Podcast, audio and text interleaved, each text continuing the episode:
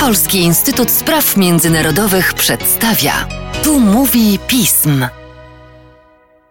100 lat minęło. W lipcu 2021 roku obchodzimy nie tylko setną rocznicę urodzin Stanisława Lema, Krzysztofa Kamila Baczyńskiego, Tadeusza Różewicza, rocznicę traktatu ryskiego obchodziliśmy w tym roku, ale także wydarzenia, którym w Polsce miejemy mało, a jest to nie byle co. Otóż 100 lat temu w Szanghaju, w całkiem niedużym pomieszczeniu, zebrał się zjazd nowo tworzonej komunistycznej partii Chin. Chyba w najbardziej zachodnim wtedy chińskim mieście, które zresztą było pełne różnego rodzaju koncesji, takich dzielnic dla cudzoziemców. Ci z Państwa, którzy oglądali film Imperium Słońca Stevena Spielberga, to wiedzą. E, ale nie byłoby to chyba takim ważnym wydarzeniem, bo partii komunistycznych powstawało wtedy na świecie dużo i powstawały również w małych pomieszczeniach. Gdyby nie to, że one już sobie dawno nie istnieją albo się przekształciły w jakieś partie socjaldemokratyczne, które przeprowadziły obrachunek ze swoją komunistyczną przeszłością. A komunistyczna partia Chin nie dość, że wygrała dwadzieścia kilka lat później swoją walkę o władzę, to tą walkę wygrywa do dziś. I to jest oczywiście kwestią bardzo dyskusyjną, czy jest dalej partią komunistyczną w takim sensie ścisłym. Pytaniem jest do Marcina Przychodniaka, doktora zresztą, mojego gościa. Dzień dobry. To jest ważny jubileusz, podejrzewam, w sensie takim czysto rytualnym. Wiele rzeczy, specjalne zjazdy, konferencje, pomniki, tablice. Ale czy to się łączy z jakąkolwiek refleksją na temat autentycznych dziejów komunistycznej partii Chin, które były jednak bardzo różne i zawierały sobie wiele wspaniałych sukcesów, jak ktoś by powiedział, ale również błędów, którymi można nazwać choćby ludobójczą politykę Mao Tse-tunga. Dzień dobry raz jeszcze. W zasadzie chyba powinienem zacząć od 100 lat, 100 lat albo Zhuyi Zhenshi Huaila, jak to Właśnie, po chińsku, po chińsku byłoby 100 lat. Ale to będzie, proszę Państwa... Ale to za mało było. Tak jest. To by, zresztą to nie znaczy dokładnie 100 lat, tylko najlepszego z okazji urodzin. Ale, no Nie żyje tak. już jednak żaden z założycieli, więc... To prawda, to raz. E, po drugie, a propos tej refleksji i tego, jak tak komunistyczna partia Chin i tu bym się jednak upierał, że ona jest nadal w dużej mierze komunistyczna, a ostatnio Ekspert nawet, mówi, tak jest. a ostatnio nawet coraz bardziej. Ale a propos tej refleksji, to wygląda na to, że dużo więcej tej refleksji będzie jednak poza Chińską Republiką Ludową na temat partii, Nie, żeby był zdziwiony. Na jej 70-lecie dokonań. rewolucji październikowej także ukazało się zdecydowanie więcej rzeczy raczej poza Moskwą. Bo w samych Chinach, i to jest fascynujące dla takich ludzi jak ja, dla, dla naszych słuchaczy też być może, natomiast dla innych, którzy nas nie słuchają dużo mniej, to Ale co oni tego się i tak nie dzieje, wiedzą, bo nie słuchają. To co się dzieje w Chinach w tej chwili, a propos tej rocznicy, bo dzieje się mnóstwo i to dzieje się mnóstwo, z tym, że oczywiście większość na jedno kopyto, że tak powiem potocznie, na jedno szablonowe podejście do, i do historii, i do dokonań, i do osiągnięć komunistycznej partii Chin, które to podejście można by streścić w jednym zdaniu mówiącym o tym, że bez komunistycznej partii Chin nie byłoby Chińskiej Republiki Ludowej obecnie z jej siłą, z jej dokonaniami, z jej pozytywnym Trudno oddziaływaniem. mówić temu zdaniu prawdziwości. Można. Można i tu pewnie dużo ryzykuję w sensie nie jakichś tam poważnych spraw, natomiast tu by się y, pewnie partia ze mną nie zgodziła. Bo pewnych rzeczy w Chinach w kontekście tej różnicy oczywiście się nie powie. No nie powie się przede wszystkim tego, no zaczynając od samego początku, że nie byłoby tej partii bez pomocy bratniego narodu radzieckiego w osobie Józefa Stalina i, i całej Nie byłoby tej partii bez różnego rodzaju działaczy pochodzenia rosyjskiego, polskiego, żydowskiego, że niekoniecznie Chińczycy byli u zarania tej partii e, głównym motorem. Jasne, znaczy no była to, był to po prostu twór dość e, typowy dla tamtego czasu i działalności e, radzieckiej w tym regionie i w ogóle na świecie tworzenia sojuszniczych partii partnerskich. Wspierany zresztą Wspierany, był także Kuomintang, co także myślę nie jest teraz do przypomnienia w chińskiej oficjalnej historiografii. Tak, ten Kuomintang potem tę wojnę z komunistyczną partią Chin przegrał, co, co już nie odbyło się tak do końca, też ze wsparciem Związku Radzieckiego, ale jednakże tutaj pewnego sukcesu komunistom chińskim odmówić nie można, a, a głównie wykorzystania błędów drugiej strony i tego, jaką politykę Chiang Kai-shek prowadził i jak tę wojnę prowadził domową. Ale nie wchodząc w to dokładnie, bo mamy rozmawiać raczej o stu latach tej komunistycznej Teraz jest to partia rządząca, licząca wiele milionów członków, e, choć ciągle raczej elitarna. Nie jest to partia, która skopia przesadnie wysoki procent społeczeństwa chińskiego. Tak, to jest partia, która ma no, w porywach około osi- 90 milionów członków. Trudno to dokładnie powiedzieć, bo Więcej oczywiście sama swoje dane podaje i, i nikt ich nie zweryfikuje. Natomiast tak, więc 90 milionów jak na miliard 400 ludzi, zakładając, że to jest pewnie nieco ponad miliard dorosłych, tak? No to, to nie jest dużo, prawda? I zakładając, że jest to jednak partia, która postrzega swoje istnienie jako, jako nie, nieodłączną część istnienia państwa, tak? Czy partia totalitarna tak naprawdę, której jakby główną linią programową i polityczną jest fakt, iż bez niej nie ma powodzenia Chińskiej Republiki Ludowej. Znaczy, nie ma możliwości, żeby Chińską Republiką Ludową rządził inna partia. Więc jeśli przyjmiemy, że jest to 90 milionów ludzi, którzy są członkami tej partii na różnych szczeblach i o różnych kompetencjach, i oni kierują tym miliardem, 300 milionami, no to oni nie mogą być wszędzie. Natomiast rzeczywiście jest to pewien element systemu symbiozy partyjno-państwowej, który w Chinach funkcjonuje. Też nie każdy może być członkiem partii. Czy łatwo jest zostać członkiem partii? Mm, bardzo nie, właśnie nie. Te proporcje pokazują też to trochę.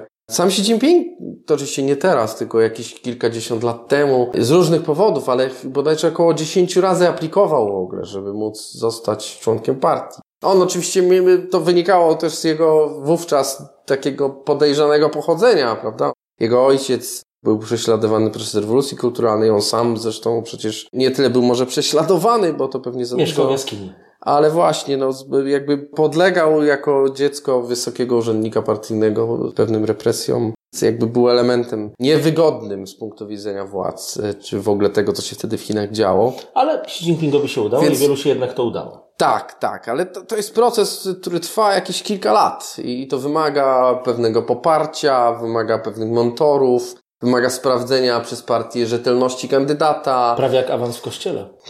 Nie znam się na kościele, ale być może tak jest. Wymaga również przygotowywania pisemnych raportów w ramach procesu aplikacyjnego kandydata na temat tego, jak on postrzega wizję partii, jak on widzi politykę i jak się to wpisuje w dogmaty partyjne. Oczywiście na zasadzie sprawdzania jego, nazwijmy to w cudzysłowie, wiary w to, co partia robi i jego odpowiedzialności.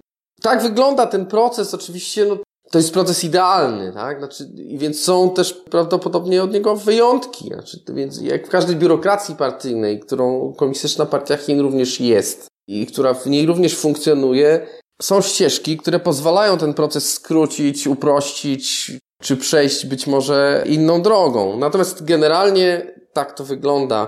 Jest jeszcze rok próbnego członkostwa, a po przyjęciu e, każdy z członków partii zobowiązany jest oddawać e, organizacji od pół do 2% swoich rocznych dochodów jako składkę. Więc najlepsze partia zostawia sobie na koniec oczywiście. No i, i tak to działa. Rozszerza się w ostatnim czasie zwłaszcza. Cała historia, jakby mamy rozmawiać troszkę o 100 latach, więc ta partia oczywiście przechodziła różne koleje i różne drogi, tak? Od tego maoizmu w najczystszej postaci lat 50., 60., do pewnych zmian lat 70., śmierci Mao w 76., tak?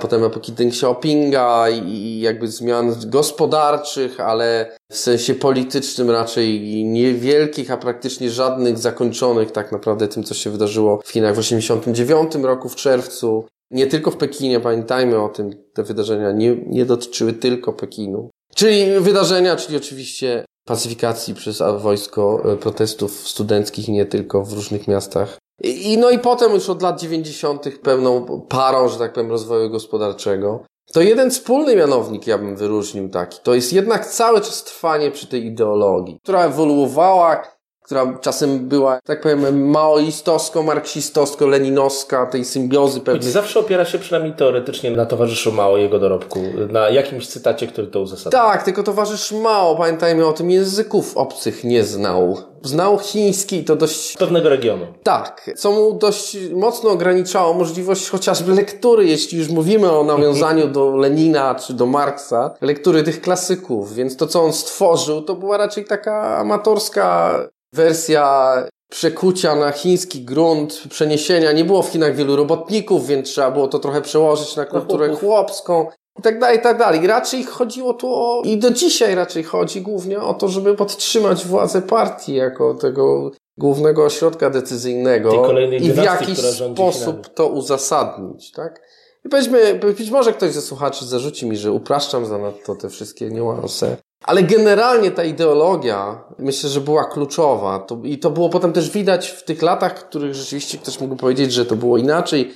Po śmierci Mao, za Deng Xiaopinga, kiedy były te elementy pojawiające się w latach 70., nawet mówienia o pewnej demokratyzacji kompletnie odrzuconej przez Denga, tak? Czy to tym właśnie najważniejszym aktem 89 roku, ale nie tylko wcześniejszymi wprost stwierdzeniami ówczesnego przywódcy, że, że to nie jest droga, którą Chińczycy pójdą. Tym bardziej po 89 roku, czy ponad 91 i po tym, co się wydarzyło w Rosji, tak? Po tym, co się wydarzyło z Komunistyczną Partią Związku Radzieckiego, której to doświadczenie Chińczycy przystudiowali bardzo mocno i której to doświadczenie wpłynęło na to, czym ta partia, Komunistyczna Partia Chin jest obecnie za Xi Jinpinga. Gdzie ten element marksistowsko-leninowski jest jeszcze silniej obecny. Może nie w sensie gospodarczym oczywiście, tak? Ale w tym sensie y, konfliktu, zarządzania przez konflikt, tak? Prowadzenia polityki na zasadzie konfliktu z wrogiem zewnętrznym mhm. i wewnętrznym, co jest istotne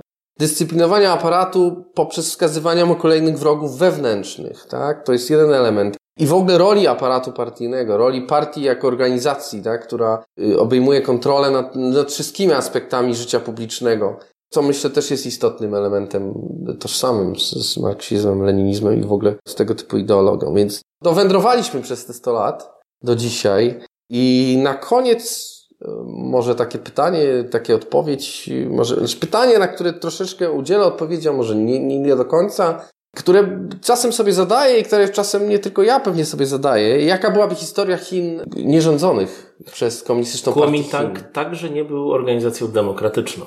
To prawda, ale... I też wywodził się z marksizmu, leninizmu częściowo. To prawda, no i ma, miał przez pierwsze długie lata rządów na Tajwanie niechlubną kartę, jeśli chodzi o procesy demokratyczne, jeśli mówimy o polityce, o systemie rządów, ale potem to się zmieniło.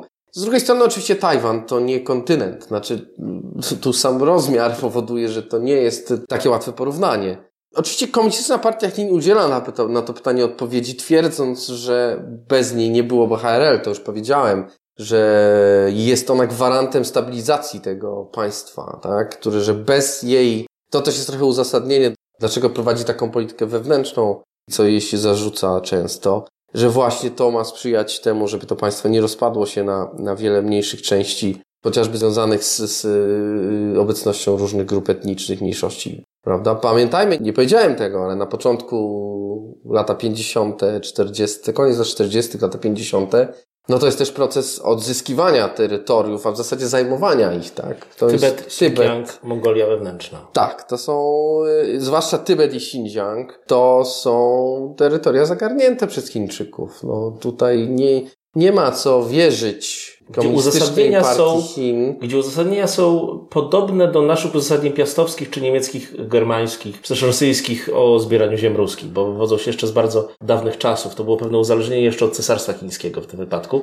Ale właściwie oznacza to, że na przykład Tannutówę także można odzyskać w ten sposób, czy całe terytorium obecnej Mongolii. Możliwe, możliwe. No pamiętajmy, że w latach 40., koniec lat 40. istniało na terytorium Xinjiangu pewne państwo, które może nie było do końca niezależne, ale nie było związane z Chinami. A z drugiej strony no, oczywiście istniał Tybet, tak? Tybet został mhm. po prostu najechany. To była aneksja terytorialna, zresztą, na którą zresztą nikt na świecie nie zareagował z tych czy innych powodów. Tu przypominamy, że ówczesna głowa państwa Tybetu miałaby rekord większy niż królowa Elżbieta II. Gdyby do dziś... Do dzisiaj żyje na emigracji. na emigracji. To byłoby już 90 lat sprawowania symbolicznego władzy. Więc czy Chińczykom żyłoby się lepiej bez partii komunistycznej, to pewnie za, takie pytanie zadane w Chinach byłoby herezją pewnie, ale być może tak to pozostawia naszych słuchaczy z pewnym niedomówieniem, bo czas pewnie też nas trochę nagli. Czas nie jest problemem, jak powiedziałby pewnie Deng Xiaoping, patrząc się na pewne sprawy z wyżyn swojego zrozumienia przyszłości, ale myślę, że warto zastanawiać się nad tym, że fakty historyczne nie zawsze musiały przebiegać w tym kierunku, w którym